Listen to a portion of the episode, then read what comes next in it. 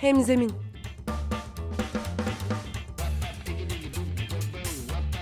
Daha iyi bir sosyal fayda iletişimi için fikirler, tartışmalar, örnekler.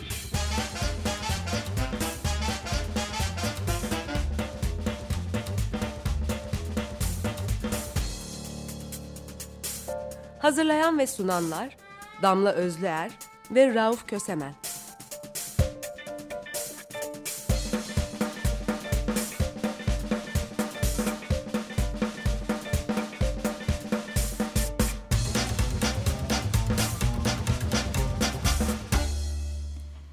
Herkese merhaba. Hemzeminde Rauf Kösemen ve Damla Özler'le berabersiniz. Bugünkü başlığımızsa Leviathan'ı lokmalara ayırmak. Çok katmanlı toplumsal meseleler nasıl anlaşılır kılır. Bu başlık altında ama özel olarak iklim değişikliği örneği üzerinden çok katmanlı meselelerin toplumla iletişimlerinde kullanılabilecek yöntemler üzerine konuşacağız. Benim nefesim yeterse eğer. Heyecanla girdik programa zira. Ee, iklim değişikliği ve küresel ısınma ile ilgili son dönemlerin en kritik başlıklarından biri bu meselenin iletişiminin bir türlü yapılamadığı. Ee, bu iletişim sorunu da aslına bakarsan Rauf bir hüsnü kuruntu değil. Araştırmalarla da görüyoruz ki toplumların iklim değişikliğinin nasıl algıladığına yönelik veriler burada ciddi bir problem olduğunu gösteriyor. Dünya nüfusunun yüzde beşini oluşturmasına rağmen toplam karbondioksit salınımının yüzde yirmi beşini kaplayan ABD'de yapılan bir araştırmaya bakalım mesela. ABD vatandaşlarının yüzde 92'si iklim değişikliğinden haberdar.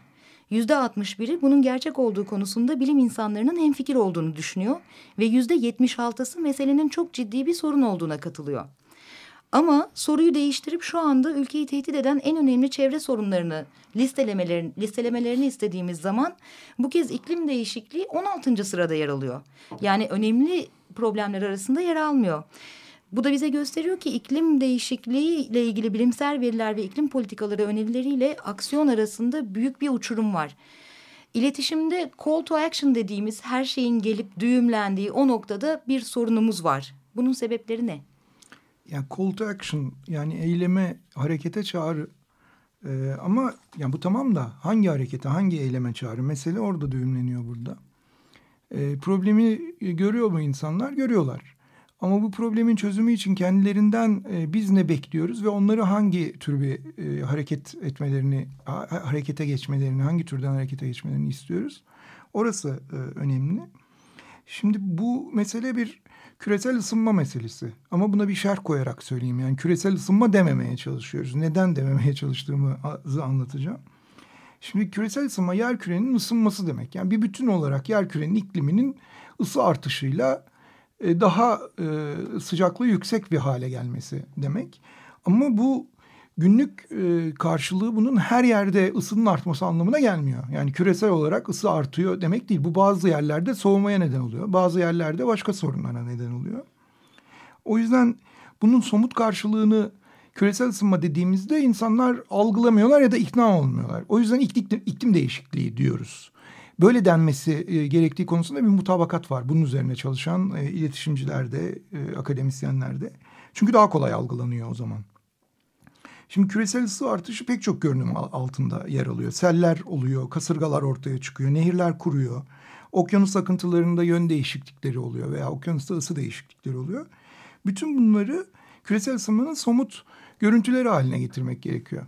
Şimdi o araştırmaya bakmadım ayrıntılarına ama 16. sırada yer alıyor e, dediğimiz iklim değişikliğinin önünde yer alanlara bakarsan muhtemelen iklim değişikliğinin sonuçları onlar. Bir kısmı evet öyle. Öyledir büyük olasılıkla. O yüzden de e, parçalara ayırmak demiştik ya. Yani bölünebilir e, hale getirip algılanabilir küçük lokmalara ayırmak gerekiyor. O lokmalarda birazdan onun üzerine konuşacağız. Yani yerelleşme üzerine falan da konuşacağız. Şimdi Kaliforniya Üniversitesi'nden Susan Moser'ın da iletişimcilerin bu meseleyle ilgili karşılaştıkları sorunlarla ilgili bir e, listesi var. Güçlükleri şöyle sıralıyor Susan Moser. İklim değişikliğinin sebeplerinin açıkça anlatılamaması, insan faktörünün buradaki flu kalması, uzun vadeli etki, aciliyet hissinin uyanmaması ve insanların şu anda deneyimledikleri etkilerin azlığı, harekete geçme sonunda yani iletişimde call to action sonunda bir harekete geçmelerini istiyoruz insanların. Bir harekete çağırıyoruz onları. Harekete geçtiklerinde vaat edilen hazzın soyut olması, karmaşa ve kararsızlık, harekete geçme konusunda yeterli uyaran olmaması, idrak eksikliği ve ilgi yoksunluğu. İletişimcilerin bu meselenin iletişimini yaparken karşılaştıkları problemleri böyle toparlayabiliyoruz. Valla bunlar aslında insan zihninin çalışma biçiminden kaynaklanıyor. Şimdi bayağı bir süredir tüketim odaklı bir şeyin içinde yaşıyoruz. Dolayısıyla hep somut görünebilir, elle tuttuğumuz, gözle gördüğümüz şeylere ilişkin e, hareket ediyoruz. Karar veriyoruz ve uyguluyoruz. E, burada da böyle bir beklenti var tabii insanlarda. E, bir de şöyle bir durum var. Hani risk dediğimiz şeyi algılaması insan zihninin çok e, analitik olmuyor. Yani sokaktaki her insana soralım muhtemelen işte yüzde yetmişlerin üstünde çok iyimser, şey, kötümser söylüyorum çok daha fazladır. Yetmişlerin üstünde sigara öldürür diyeceklerdir bize. Ama bunların da hatta içenlere soralım yine aynı şeyle karşılaşacağız ama e, sigarayı bırakıyorlar mı? Hayır. Çünkü bu e, sigara ile ilişkisini insanlar duygusal kuruyorlar. Ne zaman rasyonel bir hale geliyor? Bak ciğerinin şu kadarı şu hale gelmiş. Sen bunu böyle sürdürürsen altı ay sonra başına şu gelecek gibi somut ölçülebilir bir şeyle karşılaşıyorlar o zaman sigaradan vazgeçmeyi e, düşünmeye başlıyorlar. Orada bile aslında bu hale geldiğini anlayacağı nefes darlığı, nefes yetmezliği ya da bir gece hastaneye kaldırılması gerekiyor. Deneyimlemesi gerekiyor durumu. E, evet çoğunlukla diyelim buna. Çoğunlukla. Yani her insan için geçerli değil ama çoğunlukla böyle e, bir ölçülebilir olması gerekiyor. Yani e, hayatında karşılığının olması gerekiyor.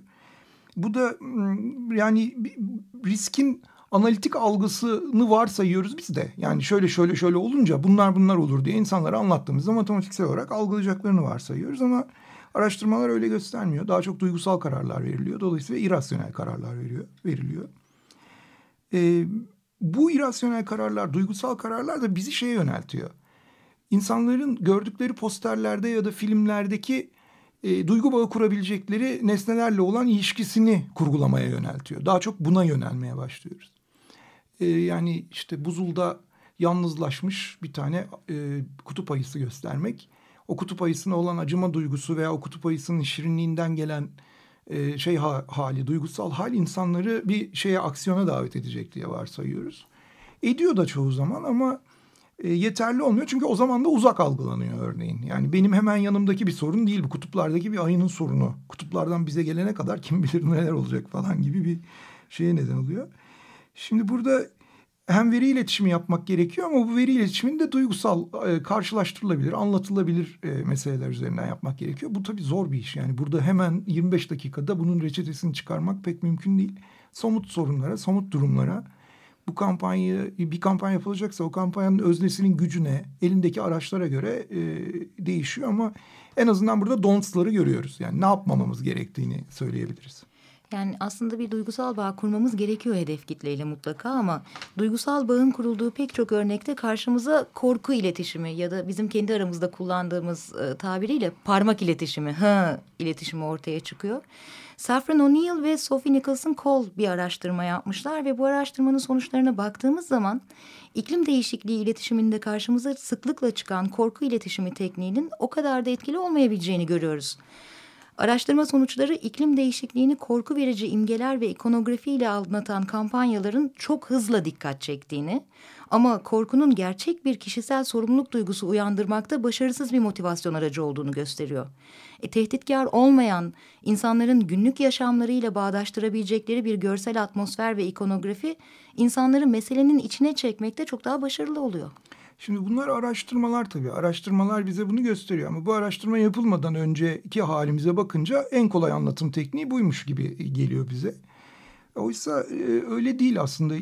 İçgüdüselliğim, iletişimci içgüdüsüyle ben e, öyle olmadığını söyleyebilirdim de bunun zaten. E, tanımlayayım. Hani bu saatten sonra söylüyorum ama neyi söylediğimi tanımlayayım. Şimdi bunlar böyle uzak geleceğe ait yani bir nevi kurguya ait, hayale ait şeyler gibi algılanıyor. Çünkü korkuyu üzerine bina ettiğiniz şey sonradan olacak şeyler. Yani işte e, dünya kuruyacak, e, türler yok olacak, insanlığın soyu e, tehlikeye girecek falan gibi şeylerden söz ediyorsunuz. Bunlar bu bir şantaj etkisi yaratıyor aslında insanlarda. Yani tehdit etkisi yaratıyor. Sanki e, şey olan e, önümüzde var olan değişecek olan şeylerin kendisi değil de biz onları tehdit ediyormuşuz gibi. Küresel ısınmanın ya da iklim değişikliğinin insanlar üzerinde yaratacağı etkinin kendisi değil. Onun iletişimini yapanlar onları korkutuyormuş gibi anlaşılıyor. Ya bana destek verirsin ya da bunlar olur hayatın kayar demiş oluyorsun. Bu da zihinleri açmak yerine e, onun önünde bir zihnin önünde bir bariyere dönüşüyor. Şüpheci bir bariyere dönüşüyor. Yani bu şüphecilik kışkırtılabildiği zaman, e, iyi kışkırtıldığı zaman iyi sonuçlar verebilir ama her insanda daha doğrusu toplumda vermiyor. Yani bilim insanlarında verebilir. E, işte septisizmi, şüpheciliği kendisinin hayat kılavuzu haline getirmiş çok az sayıda insanda bunu verebilir ama toplumda şantaj etkisi yaratıyor ve e, bir bariyere dönüşüyor. Şüphecilik bariyerine dönüşüyor. Peki ne sakıncası var bunun şüphecilik bariyerine dönüşmesinin?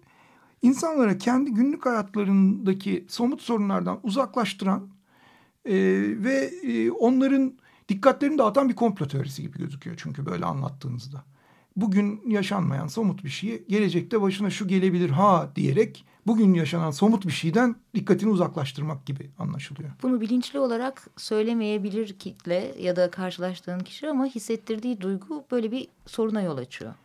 E, e, evet şimdi öyledir yani bir dip akıntı vardır insanların e, zihninde toplumun zihninde. O dip akıntı yukarıda e, kafa ne söylerse söylesin ister e, aşağı yukarı sallanarak evet desin isterse yukarı aşağı savranarak hayır desin. O dip akıntı dipten dibe sürer. Yani işte kürtaj karşıtı e, meselede e, buna benzeyen bir örnek vardı. E, muhafazakar kadınların da kürtaja destek vereceği varsayılıyordu ama vermediler. Çünkü muhafazakar kadınlar için kürtaj meselesi aynı zamanda bir tür görünür namus kurtarma meselesidir de.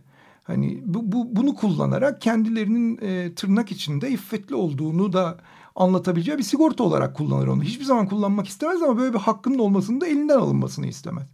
Dolayısıyla da öyle yüksek bir destekle karşılaşmadık örneğin böyle bir şey olduğunda. Yasanın değişmesiyle ilgili yani kürtajın evet, evet. yasaklanması ile ilgili adımlardan evet, adımlarda bu adımları Onlar desteklemediler. Aktif bir destek göremedik muhafazakar kadınlardan. Dediğim gibi arkasında bir dip akıntı var çünkü yani ona ihtiyacı olduğunu düşünüyor her kadın doğal olarak yani.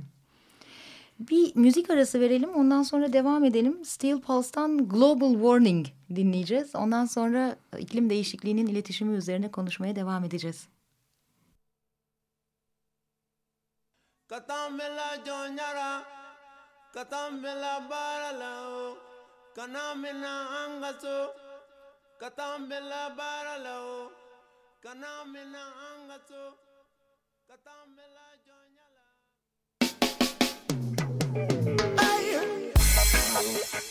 Make a change today. That's what I said. That's what I said. Change it, change it, change it,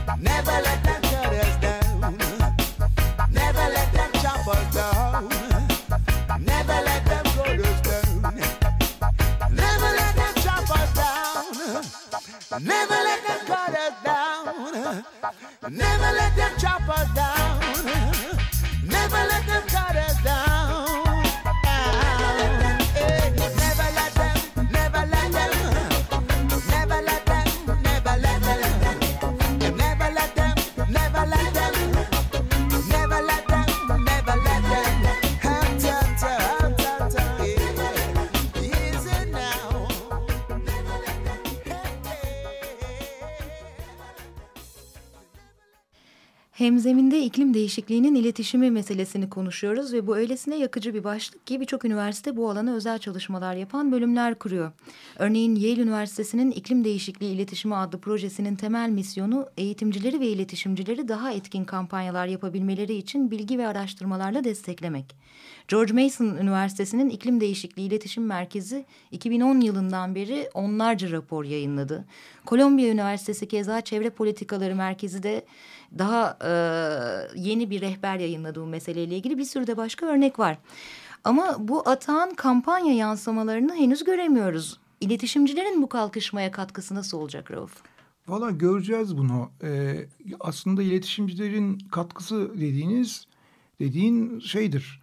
E, İletişimcilerin önüne bir problem gelir. O problemi çözmek üzere katkı yapar. Yani bir proje vardır. O projenin toplumla buluşturulması ile e, ilgilenirsiniz.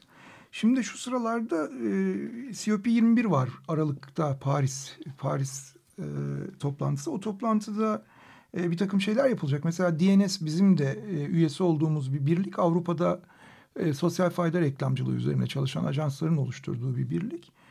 E, bu birlik e, Climate Generation adında bir kampanya yürütüyor.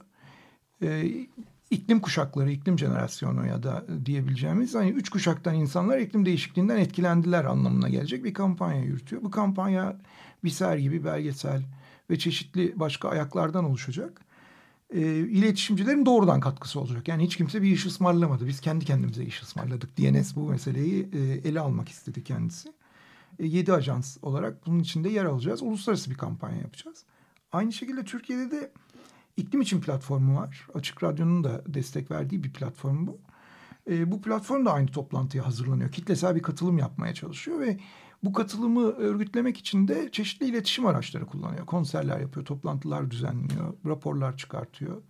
E, bütün bu süreçte de tabii ki iklim değişikliğine dikkat çekiyor. E, bu kitlesel katılım ya da bu dikkat çekmenin amacı ne? Küresel karar vericilerin gündemine oturmasını sağlamak bu meselenin.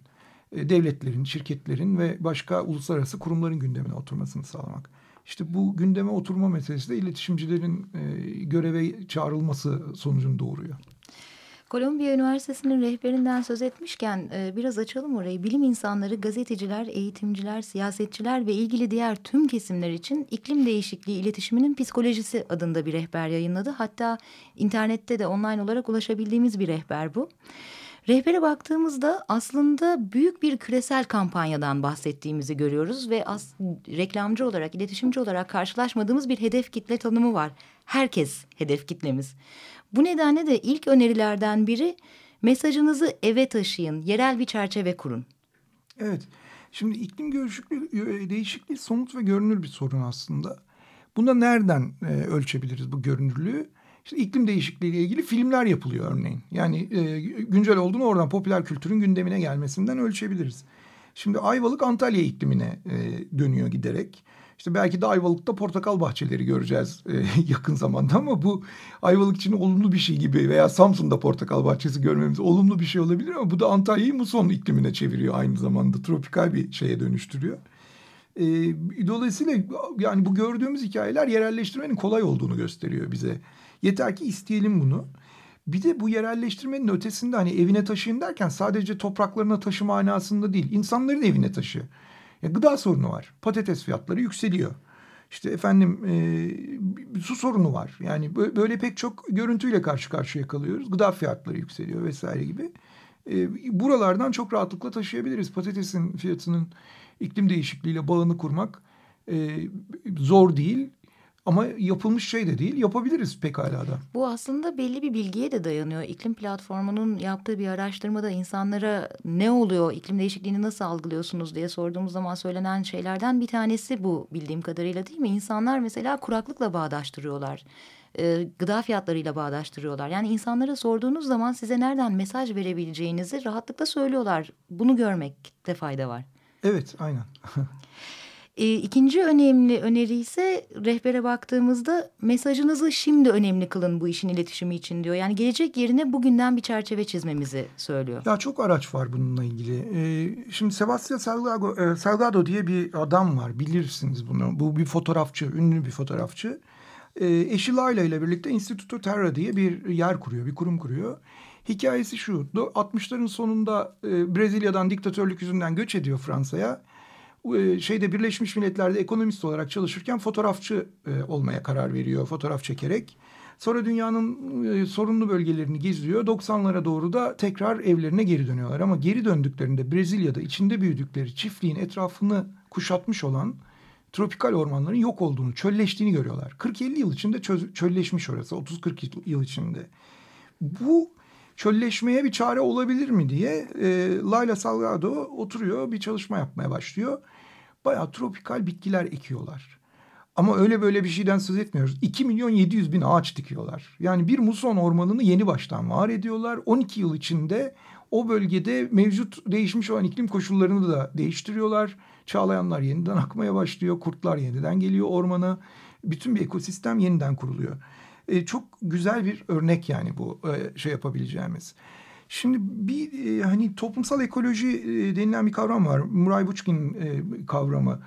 E, bu adam şey diyor. Teknolojiden sonra artık doğa yeni doğadır diyor. Yani yeni bir doğa var ve bu bu mesele bizim teknolojiyi insanın e, kullandığı teknolojiyi doğayla ilişkisini düzeltme meselesidir diyor artık. Yani doğayla uyumlu bir şekilde kullanılan bir şey değiştirebilir bizi diyor. Böyle somut örnekler de bunun e, göstergeleri aslında. Biz bu somut örnekleri şimdinin mesajları halinde e, verebiliriz insanlara. Bunları gösterebiliriz. Ee, daha rehberde pek çok öneri var ama iklim değişikliğinin iletişimini yapabilmek için benim önemli bulduğum önerilerden biri de duygu sömürüsü yapmamaya dikkat edin. De, bu bir önceki programda da konuştuğumuz fotojenik ve yüzeysel iletişimle hamaset dilinin tam ortasına denk düşüyor. Ya evet aslında küresel iklim değişikliği sadece senin benim sorunun değil. Yani köylünün, işçinin, sokaktaki herkesin sorunu. Ee, annemin sorunu yani. Ama şimdi siz bu insanlara hamasi bir iletişim yaptığınız zaman bu kandırmaya yönelik bir komplo gibi algılanıyor.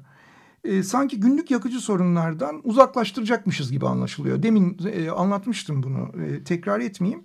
Ama dikkatlerini dağıtmaya yönelik bir e, oyunmuş gibi algılanma olasılığı yüksek. O yüzden hamaset dilini kullanmamak gerekiyor. Gerçekler üzerinden konuşmak gerekiyor.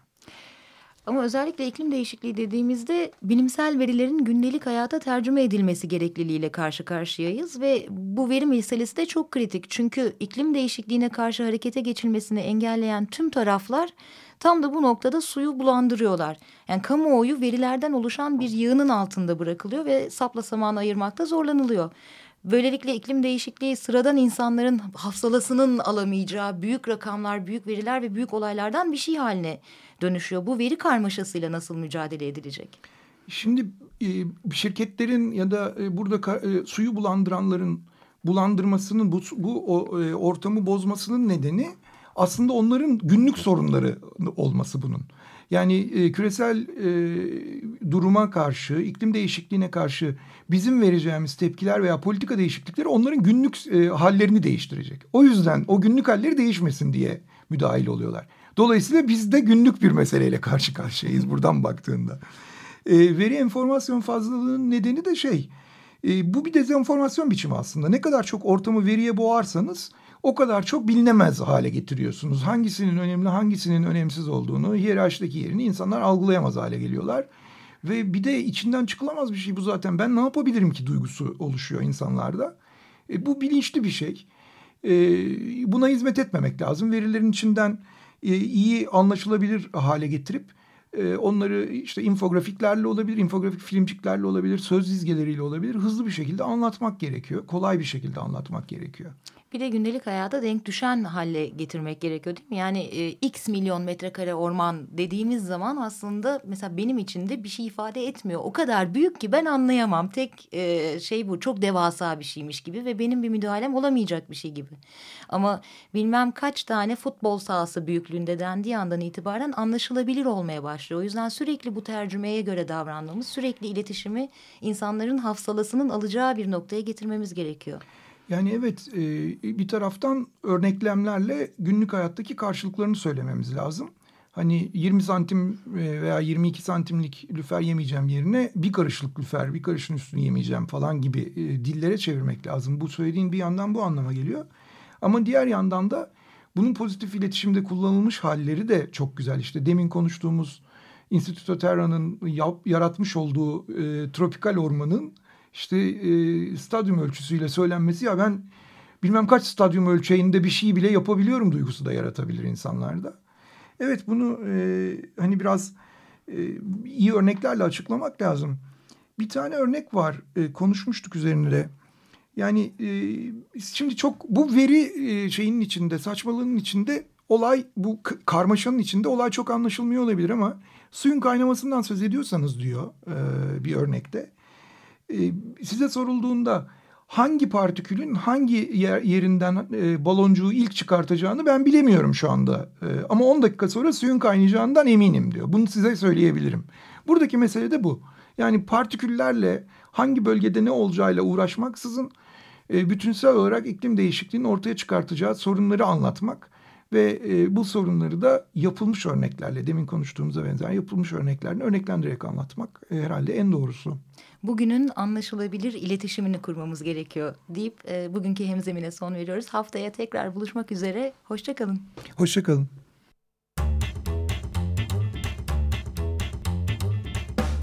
Hemzemin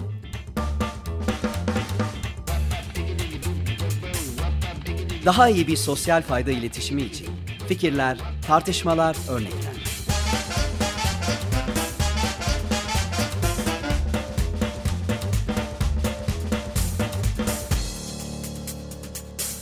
Hazırlayan ve sunanlar Damla Özlüer ve Rauf Kösemen.